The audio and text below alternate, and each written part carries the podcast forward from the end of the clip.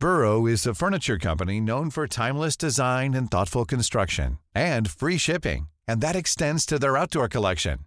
Their outdoor furniture is built to withstand the elements, featuring rust-proof stainless steel hardware, weather-ready teak, and quick-dry foam cushions. For Memorial Day, get 15% off your Burrow purchase at burrow.com slash ACAST and up to 25% off outdoor. That's up to 25% off outdoor furniture at burrow.com slash ACAST. Wow. Nice. Yeah. What you're hearing are the sounds of people everywhere putting on Bombas socks, underwear, and t-shirts made from absurdly soft materials that feel like plush clouds. Yeah, that plush. And the best part? For every item you purchase, Bombas donates another to someone facing homelessness. Bombas. Big comfort for everyone. Go to bombas.com slash ACAST and use code ACAST for 20% off your first purchase. That's bombas.com slash ACAST. Code ACAST.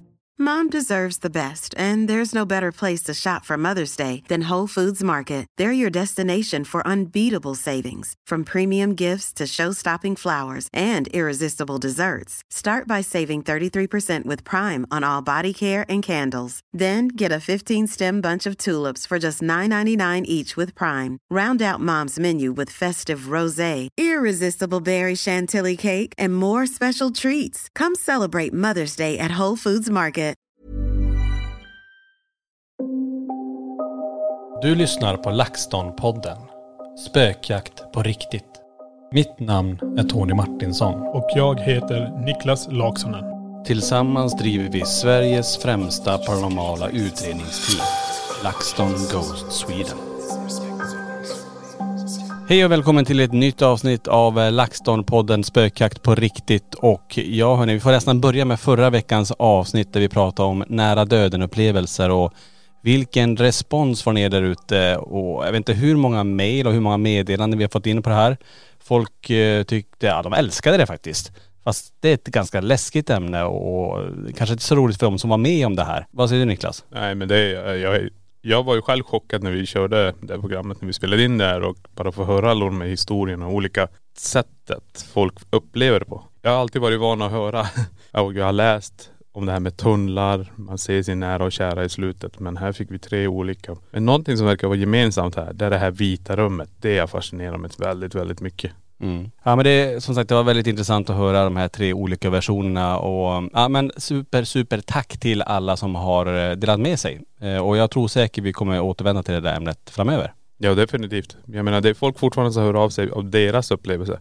Men eh, det här var tre stycken som vi, ja, jag kan inte förklara det. det. Jag har bara fastnat för det här vita rummet. Vad är det för rum folk kommer in till? Där de känner att allting är borta. Det, det finns ingenting som tynger ner en, man mår bara bra. Du har ingen smärta, du har ingenting i det här vita rummet. Ja som sagt vi får komma tillbaka till det ämnet och Eh, ja hörni, det här avsnittet nu. Då tycker jag att ni ska sätta er ner i soffan eller i en fåtölj eller ligga i sängen kanske. Dämpa belysningen och eh, lyssna till det vi kommer att berätta. För den här gången och det här avsnittet, det kommer handla om, ja men egentligen när man har passerat nära döden och faktiskt är död och kommer tillbaka. Vi ska alltså prata om spökhistorier som ni har skickat in. Under alla dessa år så har vi ju träffat väldigt, väldigt mycket folk. Folk har lämnat över historier till oss. Jag tycker det är jättehärligt att folk får prata med oss. De lämnar över sina historier, sina upplevelser och allting. Och det är ju från både nära döden upplevelser till ufon, det är från änglar till demoner och det är allt möjligt. Och jag tänker så här, vi börjar, vi, jag tror vi kommer hinna med en del. Eh, De är ju inte så långa men eh, ack så spännande. Ja, men vi kanske kör en liten dialog och pratar om dem lite grann efteråt. Så ni också får höra vad vi kan tycka och tänka om de här historierna. Ja men då börjar jag så att eh, luta er tillbaka hörni. Det här kallas för spökflickan. Jag är uppvuxen i ett hus på landet tillsammans med min stora syster, mamma och pappa. Jag och min syster hade varsitt sovrum på övervåningen och mamma och pappa hade på nedervåningen. Väldigt ofta vaknade jag under nätterna av att en liten flicka satt i ett hörn på andra sidan rummet. Hon satt på golvet med uppdragna ben mot sin kropp och korsade armarna runt benet. Hon hade mörkt halvlångt hår och gjorde aldrig någonting förutom att titta på mig från sin plats. 2018 sålde vi huset till min syster och hennes familj, som numera bor där. Min systerdotter fick välja rum och valde min systers gamla. Under renoveringen av rummet bodde hon i mitt gamla flickrum med sin säng placerad på samma ställe som jag hade min. Jag har många gånger berättat för min familj och framförallt min syster om stegen, flickan och knackningarna på dörren. Men hon har aldrig velat tro mig. En kväll när dottern hade sovit en stund vaknade hon upp i sin säng och blev väldigt ledsen. Min syster hör detta och går upp för att kalla till henne. Då berättar hon att hon inte är ensam i rummet och har svårt att somna om. Min syster stannar kvar och väntar tills hon somnat igen. Några veckor senare hade systerdottern vaknat igen men denna gång inte blivit ledsen. Utan hon hade lugnt och fint berättat vid frukosten för sin mamma att det var en flicka i hennes rum i natt. Hon förklarade vart flickan befann sig och hur hon satt. Efter detta så fick jag ett långt sms från min syster där hon bad mig att hämta spökflickan.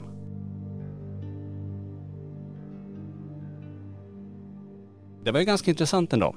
Den här spökflickan, om vi får kalla det det, kom tillbaka till en ny familj. Eller att den ändå fanns kvar där. Den lämnade inte egentligen rummet och platsen. Nej, och precis. fler fick uppleva samma fenomen. Det verkar som att eh, energin är lite platsbunden och finns kvar där. Och jag, när jag hör renovering också så då vet jag vad som kan hända. Vi kan stanna till det lite grann för det är ju, du är inne på en sak där, renovering och när man gör förändringar i ett hus. För det får vi också väldigt många mejl om. Att, eh, att saker och ting händer när, de börjar, alltså när man börjar renovera. Man river väggar, man eh, tapetserar om kanske eller man eh, flyttar om och stökar till i huset. Och det där tenderar att öka den paranormala aktiviteten. Mm. Och det har vi också, vi har ju våran teori kring det hela. Det är ju också när du börjar stöka omkring i hemmet, du börjar göra en förändring. Det är då både, både energierna och eh, huset får en förändring egentligen. Som de huset kanske accepterar det men den här energin som rör sig där kanske inte accepterar det. Det är då de brukar visa sig med att antingen flytta på saker eller skrämma lite grann genom att röra sig i husen och sådana här saker. Det man inte vet här är ju ifall eh, man är inne på det här med energiminnen, att den här flickan bara visar sig då och då. Eller att det faktiskt är en, eh, ja, ett spökenande som är fast i huset som inte kommer ut och behöver hjälp. Mm. Men eh, det förtäljer inte historien. Så vi får väl se då om den här spökflickan försvann eller inte.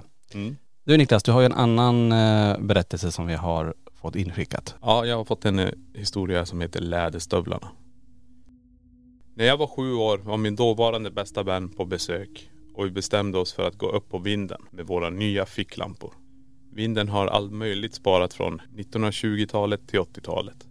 Vi fick egentligen inte gå dit upp då farfar lagt ut råttgift någon dag innan. Steg för steg upp för vindstrappan började rysningarna komma men vi kämpade oss upp.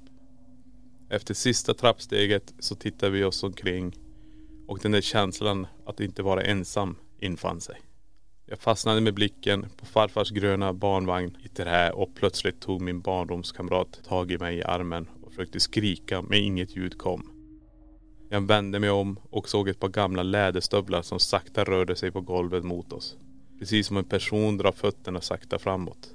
Vi kände skräcken och flög ner. Gråtande och hysteriska fick vi fatt i farmor och berätta vad vi hade sett. Hon fick oss på något sätt att våga gå upp på vinden igen. Mormor följde med och där på högersidan av väggen, nästan mitt i rummet, hängde läderstövlarna på en 5 tums spik cirka 150 centimeter upp.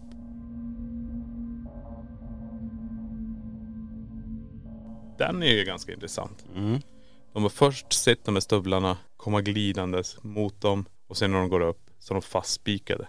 Över en och en halv meter upp på väggen. Mm. Ja det där låter ju i så fall som att det är något, någonting som eh, ja, klarar av att göra det. Då är frågan vad mer de här energierna klarar av att göra där inne. Ha så mycket kraft att kunna spika upp stövlarna. Att de, jag undrar, de hörde inte det heller. Ja, det är ännu märkligare. Jag menar de går ner, de är hysteriska, de hör inte de här. Det måste krävas lite grann att slå en spik rakt genom ett par stövlar. Det borde ju dåna i huset lite grann. Ja, om det är så, eller om det nu är så att den här anden eller spöket eller den som gjorde det här nu tog tag i spiken och bara tryckte den igenom planket eller i väggen. Då låter det inte mycket. Nej. Men då förstår man vilken kraft i så fall om det skulle vara på det sättet. Ja. Men vad, vad var symboliken här? Varför fick de se det här? Det är ju också ganska intressant. Och sen spikas det fast på väggen. Ja, någonting var det ju med de här stövlarna i så fall. Ja, aldrig var det så att det här är mina stövlar. Jag går, ni får se mina stövlar. Någon som rör i de här stövlarna och sen sätta fast dem på väggen sen. Det är ju bara skrämmande. Jag tänker också, har vi varit med om något liknande? Inte att stövlarna hamnar på väggen direkt, men att eh, är det någonting när saker flyttar på sig? Ja, för sig, vi har varit med om eh, dörr eh, som flyttar på sig på Ekenäs slott till exempel. Ja. Vi har eh, bollar som åker och flyttar på sig på flera andra utredningar.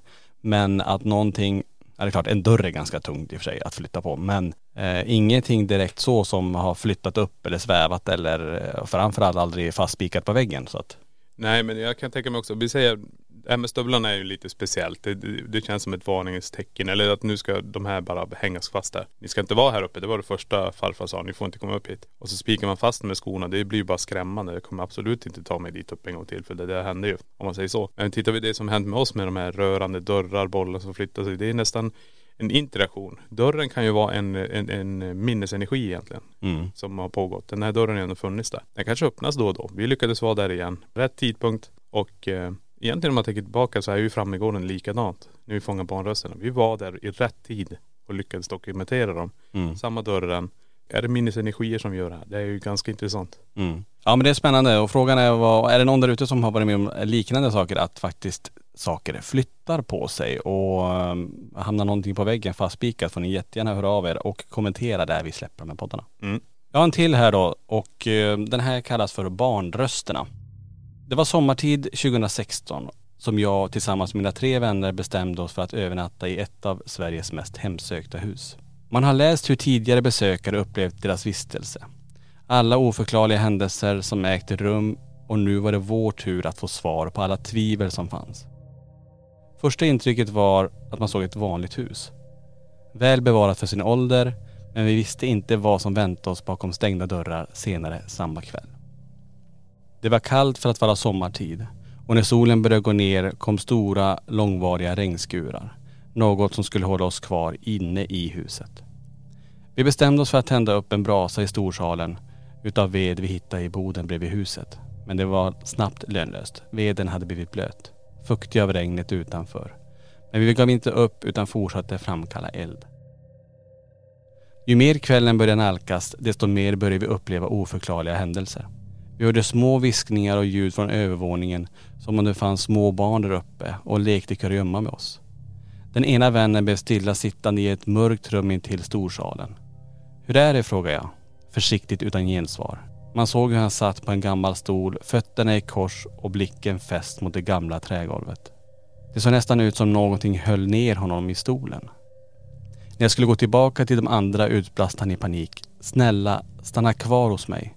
Men blicken fortsatt fäst mot golvet. Jag kände rysningar krypa upp mot ryggen samtidigt som det plötsligt stod en gestalt precis bakom min vän.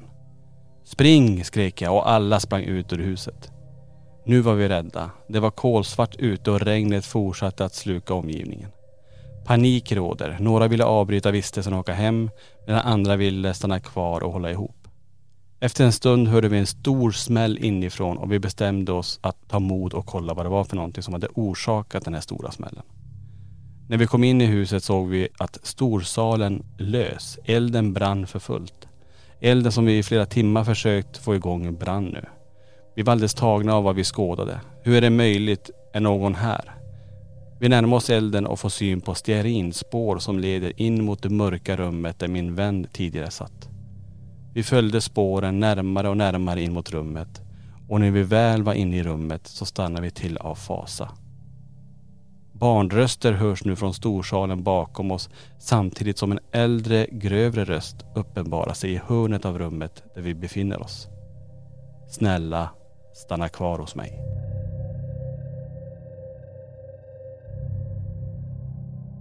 Den var ju spännande. Är det Frammegården?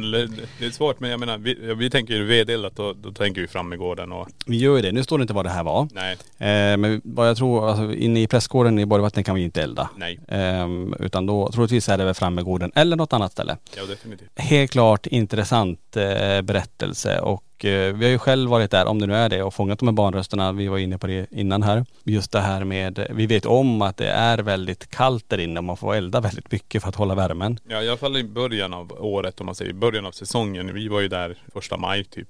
Ja, väldigt tidigt där. Ja. Nej men det är ju en intressant berättelse och det, många har ju upplevt saker, vi har ju också upplevt saker där. Ehm, och just med de här barnrösterna tycker jag ändå, och den här gestalten är ju väldigt, väldigt intressant. Att de ändå ser också någon som står i rummet. Det är väldigt, väldigt häftigt. Ja. Tänker direkt på också, om man nu ska tänka på vad vi precis har varit och spelat in. Vi har ju varit och spelat in en ny utredning Ja precis. där eh, en av de som var med också såg en gestalt passera framför honom. Alltså det är som, det är som ett ljusinsläpp och vi står och tittar som mot fönstret där ljuset kommer in, eller månsken kan man säga att det var. Där han ser en person ganska lång, eh, ganska krokig som hasar sig fram, alltså som, eh, vad ska jag säga, hoppar fram. Som han, han såg axlarna hur den guppade i det här ljuset. Ja. Den eh, killen som var med blev livrädd. Så att, eh, ja, mycket spännande berättelse. Ja absolut. Och jag menar, han var inte, jag såg ju också. Jag såg ju faktiskt en skugga också som gjorde att vi kunde fokusera utredningen på ett ställe. Och det gjorde ju faktiskt det till att det blev en hotspot också. Nu ska jag inte avslöja för mycket vad som hände men det var mycket coola grejer som skedde just där. Jag har en liten historia här som heter Spöksystern. Min syster dog i en bilolycka för två månader sedan. Och efter det började många konstiga saker att hända. Handavtryck i badrumsspegeln, knackningar på min sovrumsdörr med mera. Det som skrämde mig mest var att jag fick en känsla av att någon sov bredvid mig på natten. När jag berättade detta för min mamma sa hon bara att jag fantiserade. Men det hände varje natt. En natt hörde jag min systers röst säga till mig Var inte rädd, det är bara jag. Jag vill bara vara med dig. Först blev jag rädd, sen tänkte jag att jag bara fantiserade allt. Men när jag öppnade ögonen såg jag henne stå mitt i mitt rum.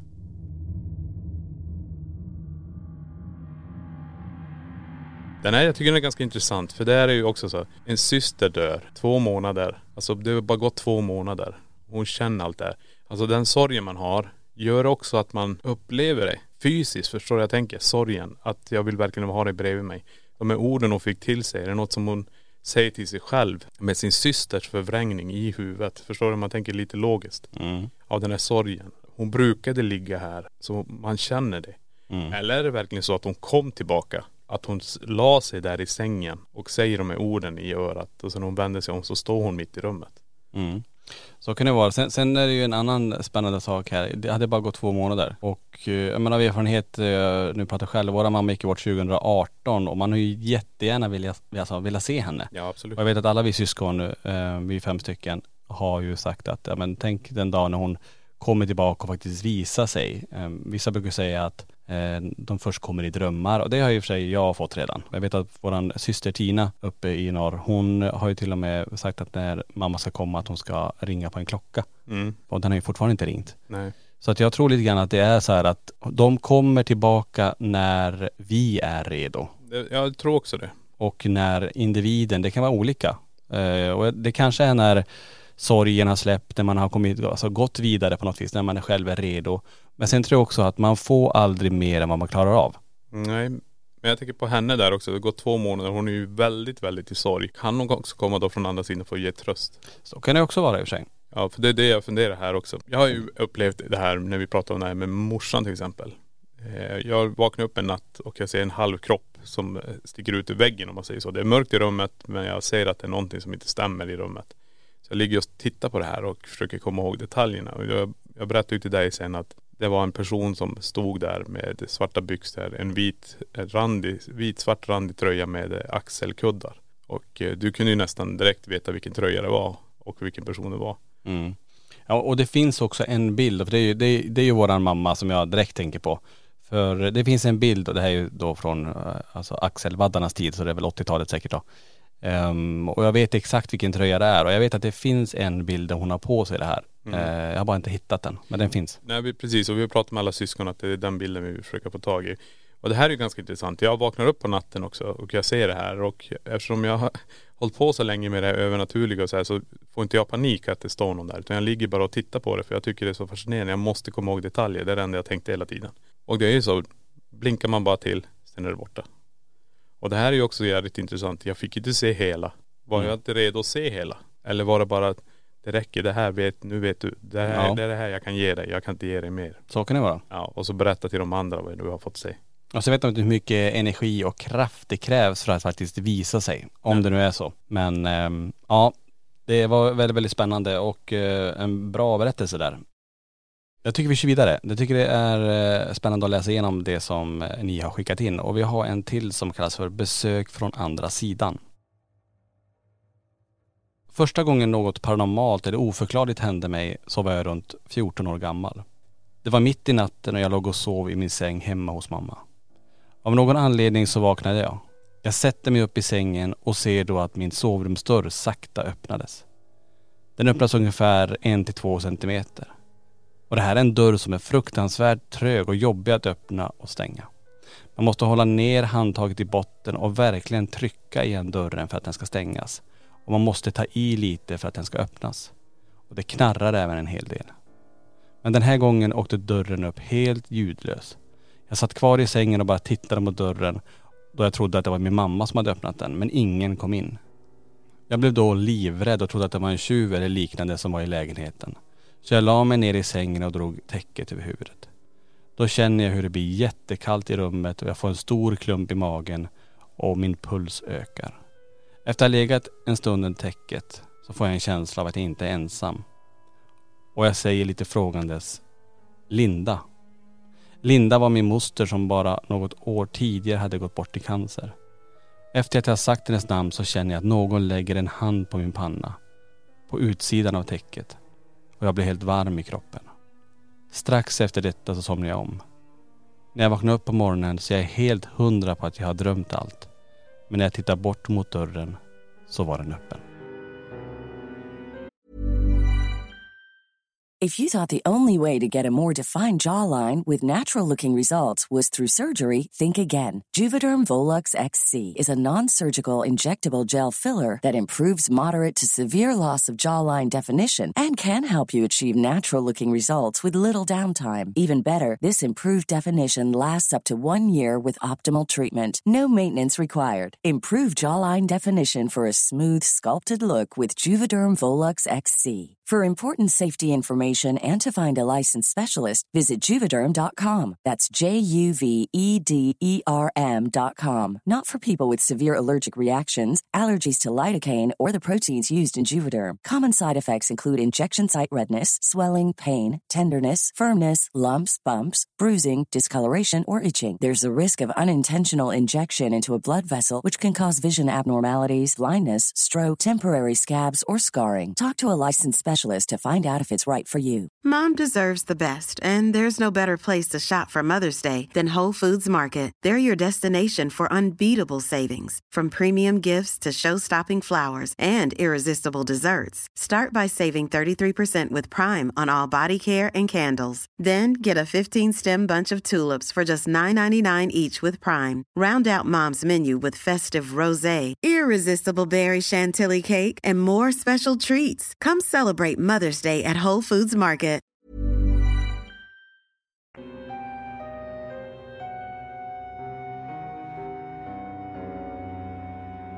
Det var en häftig berättelse. Ja precis. Här är, här är det också lite grann du pratar om. Här är det fortfarande lite sorg och nu kommer jag tillbaka. Det är det här du får. Mm. Och inte så länge sedan morsan hade gått bort. Sen kanske de var också, att de var nära varandra. Kan ju vara. Och just med att hon ändå känner ett lugn. Och det har ju fått många som berättar att, att när det här, när den personen, avlidna personen, eh, kommer tillbaka i en annan form ändå att man känner ett lugn ändå. För då på något vis blir man ganska lugn när man vet och känner till det som kommer in. För det som är skrämmande, det är det vi inte kan förstå. Det som är oförklarligt, det vi inte ser. Eh, Men är det så att man vet om att, i det här fallet då, att, den, att det är ens moster som kommer in, ja men det blir ju inte lika skrämmande. Det är exakt som våra kusiner. Mm. Peter och Johanna, som mamma alltid sa när vi var små, att när det händer saker, det är bara Peter och Johanna. Och att växa upp med det, att det bara är Peter och Johanna eller moster i det här fallet som kommer in och hälsar på. Då blir det ju inte skrämmande, för de här känner man ju till. Nej precis och det, det där mantrat det är bara Peter och Johanna. Det har ju följt oss nu under hela våran resa också. Vi har fortfarande så när vi tänker när vi går in i hus. Att det är bara Peter och Johanna fast det är inte Peter och Johanna som är i hus utan vi måste respektera de här energierna som rör sig i huset. Som vi respekterar Peter och Johanna. Ja, för lite är det så när vi går in och gör våra utredningar också, att vi stöter ju på en form av Peter och Johanna, för det här är ju också någons släkting. Det är någons mamma, pappa, barn. Eh, Man vet ju inte hur de här förhållandena har varit riktigt. Men att vi, vi måste ju respektera dem likväl som vi respekterar våra egna kusiner. Så vi går ju in med samma approach egentligen. Att visa stor respekt och verkligen när vi går in i någons hus och till någras anhöriga. Mm.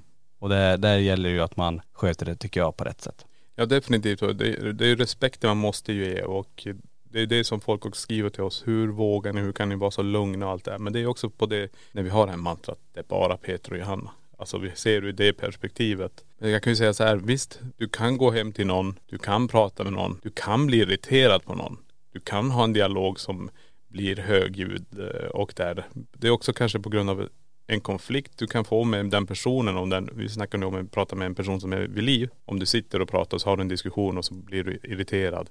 Och så kan det också bli även i det paranormala. Men där måste vi också hålla oss tillbaka. Vi tänker ju aldrig börja skrika åt energierna. Vi kommer aldrig, fast vi känner oss provocerade av dem, så kommer vi aldrig ge dem den effekten. Vi kommer bara berätta att nu känner jag så här. Nu känner jag att nu hänger en smocka i luften eller någonting sånt här.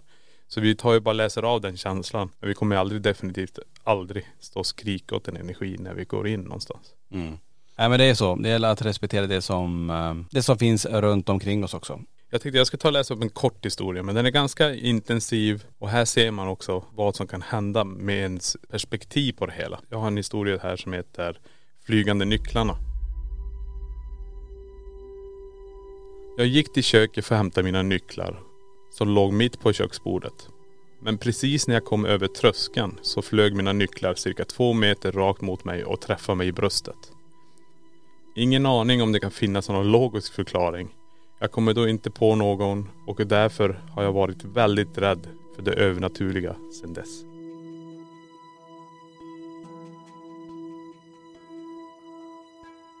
Och här ser vi ju en sak. När man får den här, jag tror vi har pratat om det tidigare också. Du får en upplevelse som ärrar dig. Och det här kommer göra att du alltid kommer vara rädd. Nu fick du ett par nycklar från två, två meters håll i bröstkorgen och det finns ju såklart ingen logisk förklaring om inte någon stod där och kastade dem på dig. Men det, du såg ju ingen och de kom ju flygande. Så jag förstår det. Att bli så, vad ska man säga, rädd av någonting som inte man kan förstå. Det sätter ju, alltså du blir ju ärrad.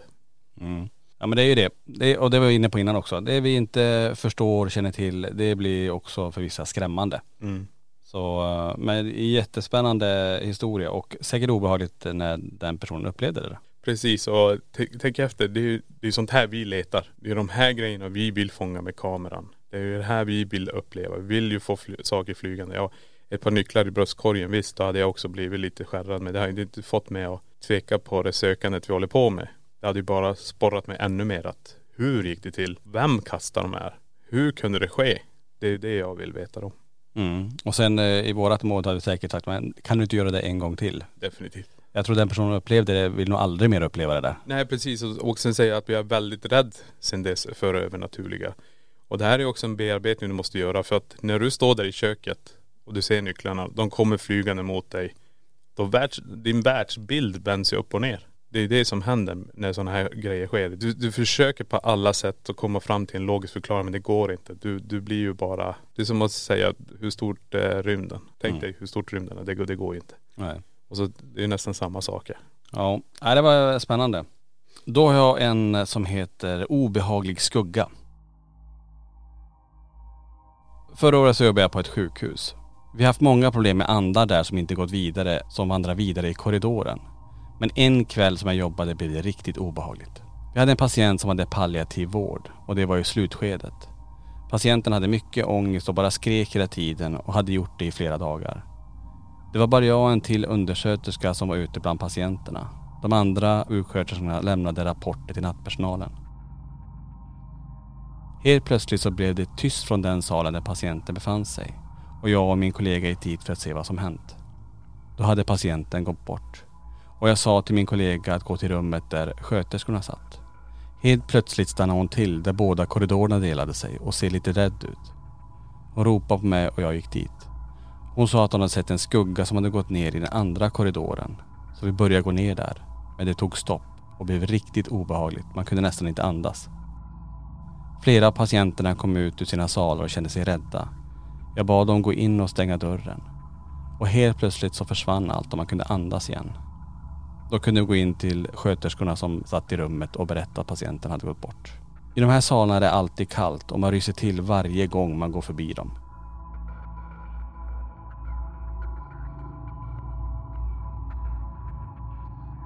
Det är ju ändå intressant ändå här att patient går bort. Eh, den andra sköterskan ser en gestalt som går vidare i korridorerna och viker av. Och dessutom så påverkar det alla andra som ligger där inne som kommer ut och känner av att det är något som har hänt.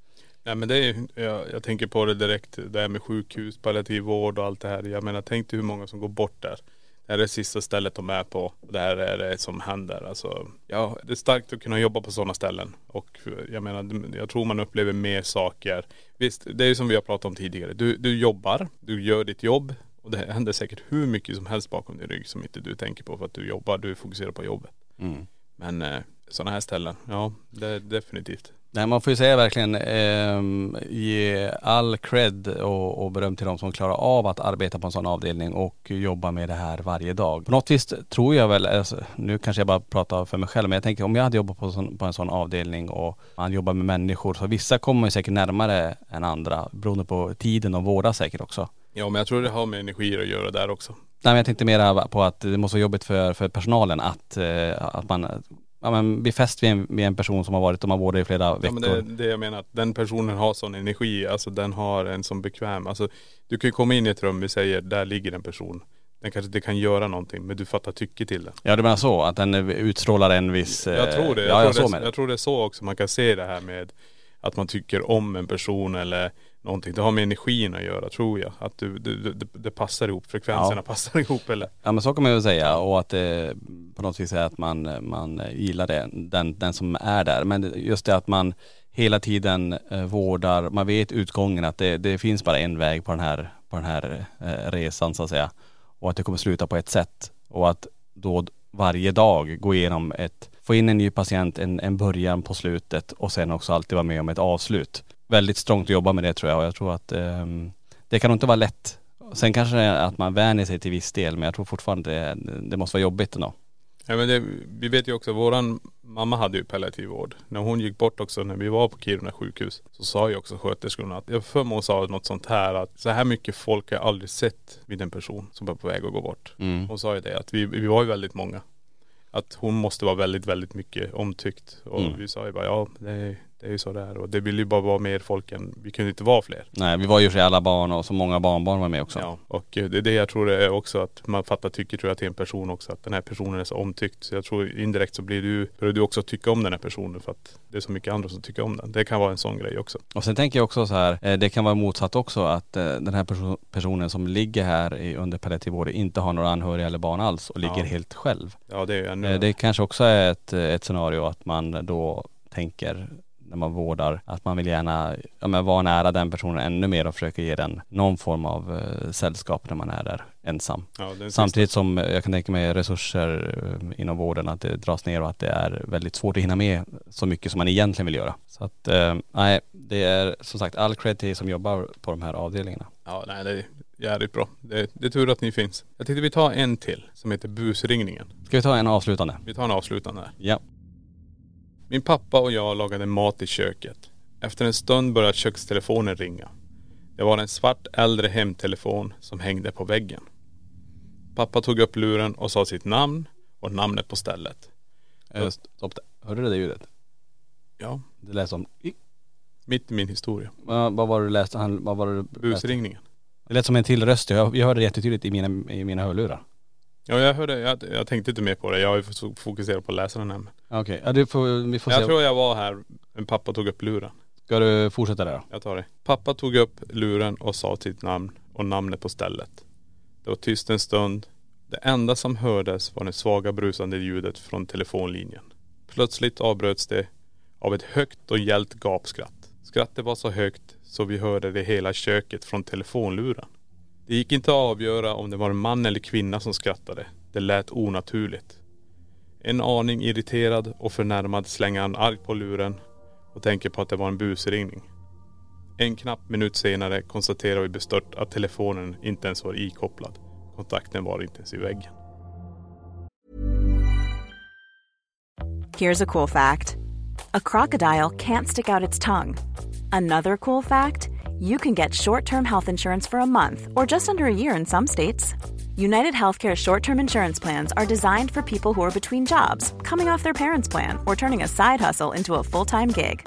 Underwritten by Golden Rule Insurance Company, they offer flexible, budget friendly coverage with access to a nationwide network of doctors and hospitals. Get more cool facts about United Healthcare short term plans at uh1.com. Mom deserves the best, and there's no better place to shop for Mother's Day than Whole Foods Market. They're your destination for unbeatable savings, from premium gifts to show-stopping flowers and irresistible desserts. Start by saving 33% with Prime on all body care and candles. Then get a 15-stem bunch of tulips for just $9.99 each with Prime. Round out Mom's menu with festive rosé, irresistible berry chantilly cake, and more special treats. Come celebrate Mother's Day at Whole Foods Market.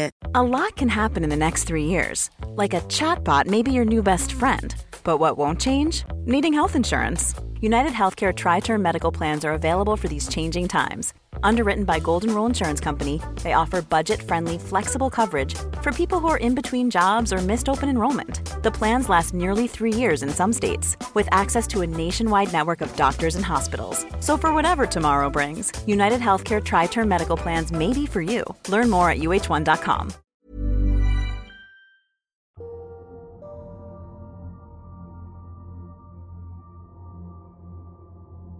Och det här tycker jag är jättehäftigt. Och vi har ju, jag tänker direkt på våran telefon vi har i Borgvattnet.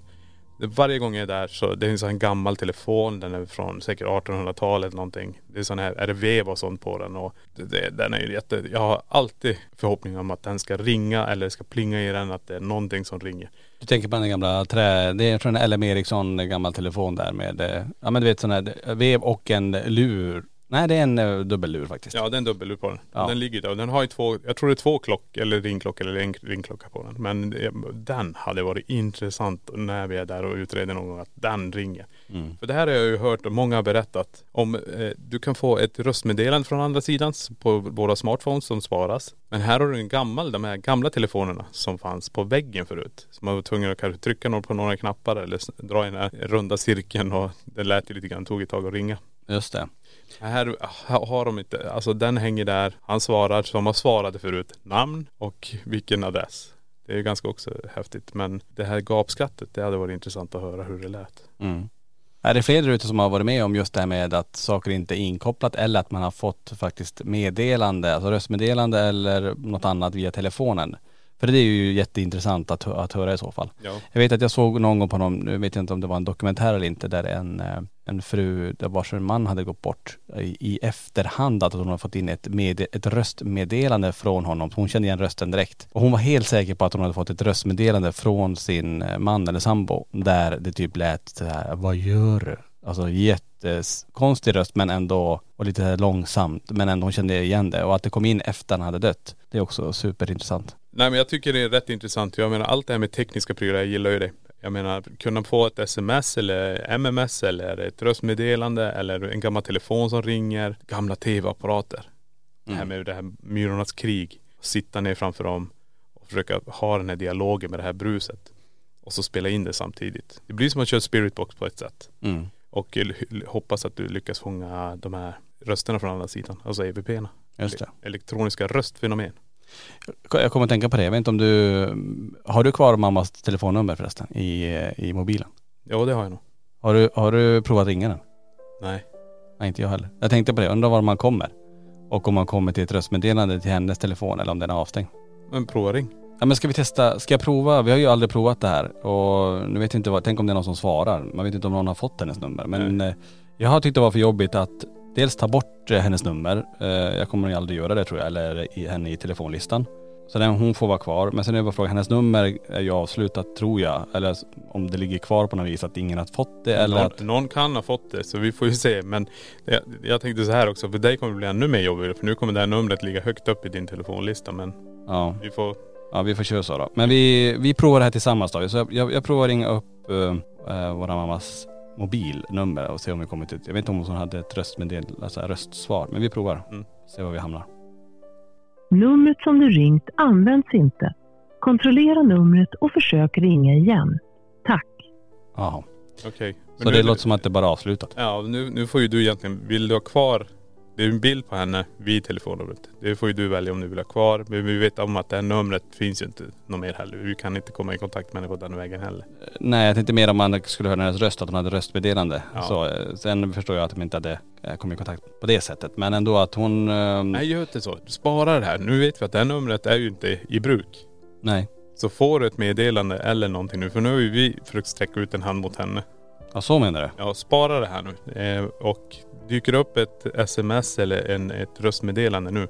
Så kan vi säga bara rakt ut, och mamma om du hör det här. Ja. Så gör det. Gå in och försök skicka oss ett meddelande på Tonys telefon. ja det här var ju väldigt eh, oplanerat men vad spännande ändå. Tänk om det hände. Ja. Ja vi får återkomma i så fall om det är så att jag får eh, någon form av meddelande ifrån det här numret. Eh, det ska ju inte vara i bruk. ja vilket- från det här numret som inte existerar något mer. Nej. Ja, spännande, spännande. Ja, men det var ett eh, intressant avsnitt och tack till alla berättelser eh, som ni har skickat in. Och vill ni läsa mer berättelser så om ni går in på laxton.se och högst upp så finns det en rubrik som heter Paranormalt. Och under det så finns en underrubrik som heter Spökhistorier. Där har vi lagt upp ännu fler historier som man vill sitta här när det är mörkt ute och lite ruggigt och, och grotta sig i alla spännande och läskiga historier. Jajamän.